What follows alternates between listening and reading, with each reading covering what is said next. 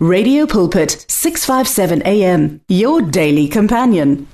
siyalochisa namhlanje egameni lika Jesu Kristu waseNazaretha sibonga uNkulunkulu namhlanje simlelo repeated ukuthi ke sikuthole uthole ubeke indlebe namhlanje egameni lika Jesu Kristu waseNazaretha emoyeni lochiswa nguye umfundisi bongani Ivan wakwanduli ukuthi ke namhlanje sike sizohlola izwi lenkosi uvela endaweni yasemachiding e-anointed gospel church.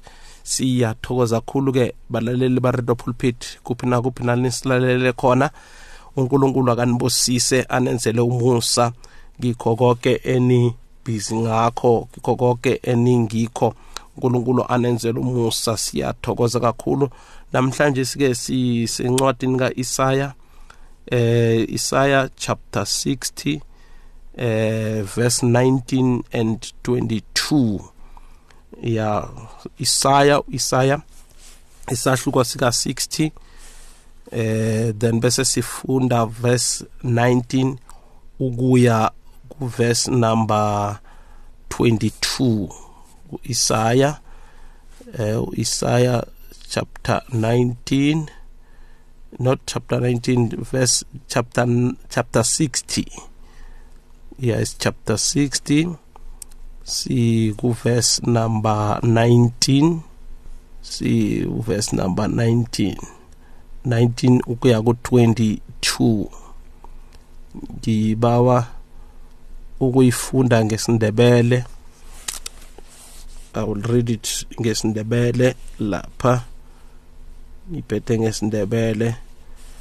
Godu ilanga alisazukuba mnyamakho emini. Noku nokudaha kwenye kwekanyezi kwenyezi akusazu akusazukuba akusazukukhanya kuwe. Usomnini uzokuba mkhanyo wesiphelani kuwe. Iye uzimakho uza kuba yiphazimulo wakho godu ilanga lakho alisazukuchinga nenyezakho ayisazukuncipha. Usomnini uzokuba mkhanyo wesiphelani kuwe. Namalangakho wesililo azokuphela. Bonke abantu bakho baza kuba ngabalungileko. Baza kuba inarha isiphelane bona baligatsha elingatshalekiko umsebenzi wezandla zami uza kubonakaliswa udumo lami. Ophasi ngesibalo uza kuba ikoro nomncane abe sisizwe esinamandla. Ngingusomnini njeke ngesikhathi esifaneleko. Ngizakwenza msinyana lokhu. At the right time i will do it. Now licho njalo izwi lenkosi namhlanje simlelo radio pulpit eh isihloko engikhulumela ngaphasi kwaso ukuthi the lord will make it happen. Uzimu uzokwenza kwenzeke. Namhlanje sikwangathi ungaba nami mlalelo radio pulpit ukuthi uzimu not abantu not abomakhelwane not boss yami emberegweni not not not abo bani there's no person involved here but God will make it happen. E uzimu uyokwenza lokhu ukuthi kwenzeke. Modimo ha ke bua ka sesotho kapa ka sepedi gore kapa ka setswana modimo o tla dira ntho ena gore e diragale. God will make it happen. Nguye uNkulunkulu ozoyenza ukuthi yenzeke. So now izwi esilifundako uNkulunkulu ukhuluma kuIsrayeli eh ukhuluma God the glory of his people uyinkazimulo yabantu bakhe. Kwangathi la uNkulunkulu bekakhuluma after isimo sobunzima kuma Israyeli uyabona eyimpilweni nathi uthola ukuthi nasibe sidlula ebunzimeni obuthize ufise kwangathi kungaba nento ehle engakhulunywa empilweni yakho. Kwangathi ngaba nomuntu ofika akhulume something ezoletha ushintsho empilweni yakho. Because of you've been receiving bad news after bad news. Been receiving sickness after sickness. You've been receiving loss after loss. You've been receiving yazini ukulahlekelwa ngemva kokulahlekelwa. Many bad things have been happening into your life. Kwangathi uNkulunkulu la ukhuluma something ukuthi kwangathi enough is enough. You've been receiving bad things in your life. Enough is enough. Now i am god who stands as a judge. Ohlala oma esihlalweni sobukhosi othi enough is enough. As i am the controller of everything in the lives of the people. Sona ukhuluma nakamazwi phezu kuka-israyeli uthi the sun shall no longer be your light by day. Ilanga angeke lisaba ukukhanya for ilanga lakho.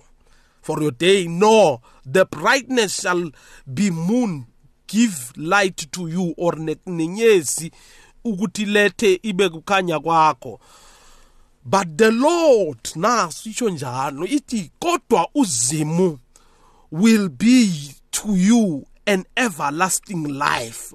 Uzimu kuyoba nguye oba ukukhanya okungapheliko ngamanye amagama you will not rely elangeni ukuthi libe ngilo elikhanyiselako you will not rely enyezini kube ngiyo ekulethela ukukhanya. Mara uzimu yena ngokwakhe. Eyizima God is going to be that light an everlasting light. Ngamanye amagama there will be no darkness over your life because uNkulunkulu uzoba ukukhanya kwakho. God is going to be your light. Bewurilaya eyintweni bewurilaya phezulu kwabantu ukuthi kube ngibo abakwenzela izinto. Bewurilaya phezu kwabantu ukuthi hey ngithemba uzibanibani ngithemba uzibanibani ngithemba umalume? Ngithembe uzibanibani ukuthi hey as long as kunolo okulapha ekampanini leya i rely on him i-connection yami nguye ukuthi ngiberege lapha. But lithi ibhayibheli namhlanje si God is going to be your everlasting life. You need not ukuthi utrust abantu. Lithi iBhayibheli uqalekisiwe obeke ithemba lakhe kubantu. Namhlanje ngizothi kuwe awusadingi ukuthi uthemba abantu. Themba uNkulunkulu yena yedwa. Lithi izwi lenkosi he will be your everlasting light. He will be your everlasting light. Utloba khanya ya gago. Uzoba ukukhanya kwakho okungapheliko into emnandi ngedimension ongena kiyo manje mlaleli weredo pulpit ukuthi lokukhanya akusikukhanya okuyoba khona for a season ethize but it's going to be an everlasting life. Kongathi ngaba nomuntu ongizwako ekhaya ongilalele it's going to be an everlasting life. Kusho ukuthi ngamanye amagama it's out of season. Akuna season ezobloga lento ezako manje because it's an everlasting light. Egameni likaJesu usho njalo lapha encwadini kaIsraya and your God your glory uzoba inkazimulo yakho. Your sun shall not longer go down. Ilanga lakho ngeke lisaya phasa ngeke lisafiphala ngeke lisaba your light your light. Kune light yakho ekhona ekhanyisela wena kuzo zonke indlela. Lokho kukhanya kwakho angeke kusaya phasi it will lithi izwi lenkosi namhlanje your sun will not go down. Angeke lisaya phasi no shall your moon withdraw itself. Nekanye zakho inye zakho angeke nayo isa isafiphala eh, for the lord will be your everlasting ngiyakuphinda lokuthi ngoba uNkulunkulu wakho uyoba ukukhanya kwakho okungapheliko. And the days of your mourning shall be ended. And inkhathi zakho zokuzila zokumona eh Nkosi yami eh they shall ziyoqedwa. God is kule season ongena kiyo empilweni njengoba si nje ama seasons azokuchange besiku winter siyaphuma ku winter manje. Siyongena ku spring ebese siyongena ku summer now njengoba siphuma kwi season of i winter eh ngokuya kule dimension umlaleli we radio pulpit ngiba ungizwe namhlanje ngikhuluma njenge njengezwi lokuprofeta namhlanje ukuthi le season ongena kiyo ephilweni manje le season ongena kiyo it's god season it's god season. Yisizini kaNkuluNkulu ngoba lithi iBhayibheli uNkulunkulu uyoba ukukhanya kwakho okungapheliko. Ubumnyama ebekusola ukukulandela bakutshelile nabantu obowukhamba kibo bathi unefulo obumnyama elikulandeleko. Kuneyiqalekiso ezakhulunywako zakhulunywa empilweni nakho. Kunezinto abantu abazi-initiator empilweni nakho. There were things that they were spoken usesemncane bazikhuluma. Namhlanje mlaleli weredo pulpit ngize nezwi elithi uNkulunkulu uzoba ukukhanya kwakho okungapheliko. Akunandaba ukuthi bobani abavale ukukhanya kwakho. Akunandaba ukuthi bobani abavala iphumelelo yakho akunandaba ukuthi bobani abavale izinto zakho. Mara namhlanje sinandi izwi likaNkuluNkulu likhulumisana nathi egameni likaJesu ukuthi uzimu uzoba ukukhanya kwakho okungapheliko inkhathi zakho zokulila ziyaqedwa. Inkhathi zakho zokulayila inkhathi zakho zokuhletshwa inkhathi zakho zokukhathelwa phasi inkhathi zakho zokungabereki inkhathi zakho zokugula inkhathi zakho zokunanoma ngaba liphi ihlobo lesikhathi. Odlula kiso. Lithi namhlanje izwi lenkosi ziyaqedwa. Egameni likaJesu ziyaqedwa namhlanje. Egameni likaJesu verse number 21 athi also your people abantu bakho shall be righteous. They shall inherit the land forever the branch of my planting. The work of my hands that I may be glorified. Umsebenzi wezandla zami ukuthi ngikhazinyuliswe ngiphakanyiswe uthi bazo bazoba indlalifa yezwe kunezinto kunezwe. uNkulunkulu akulidela kilo namhlanje a new environment a land. Uyopossessa uyoba lithi iBhayibheli la they will inherit the land forever. Bayo inherita izwe. Ukuya kuyile. Yabona le season ongena kiyo yisizin yokuya kuyile forever everlasting.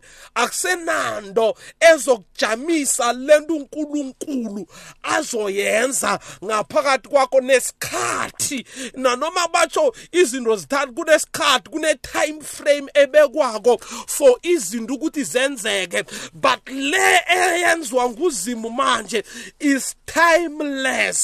Is timeless.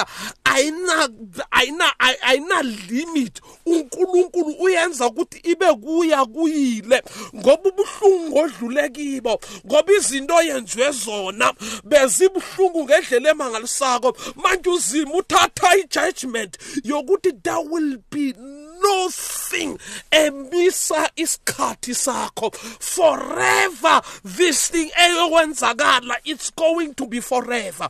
Uthi uNkulunkulu namhlanje yilokhu uzima kuchoko namhlanje nguzimi into yizo uzima alikhulumako namhlanje. Uverse number 22 athi a little shall become a thousand. Njengoba umnqani uthi mina ngimnqani uzoba yi-thousand kuthi ukugama amagama uzoba mnengi god is doing something in your life. Lalela mlaleli werodo pulpit uzimu kunento ayenze empilweni akho namhlanje. Kunento uzimu ayenze empilweni akho namhlanje. Hayi kusasa mara namhlanje. Uthi njengoba bomncane uzoba mnengi abancane bayoba yi-thousand. Abancane bayoba yi-thousand then athi a small one a strong a, and a small one a strong nation. Nesizwe esincane esinganamandla siyoba yisizwe esinamandla. Hey Nkosi yami isizwe lesi ah, laba abancane bazoba namandla babe yisizwe esinamandla. Then ebese athi i the lord will haste and eat in its time. Mina uNkulunkulu ngiyokwenza lokhu.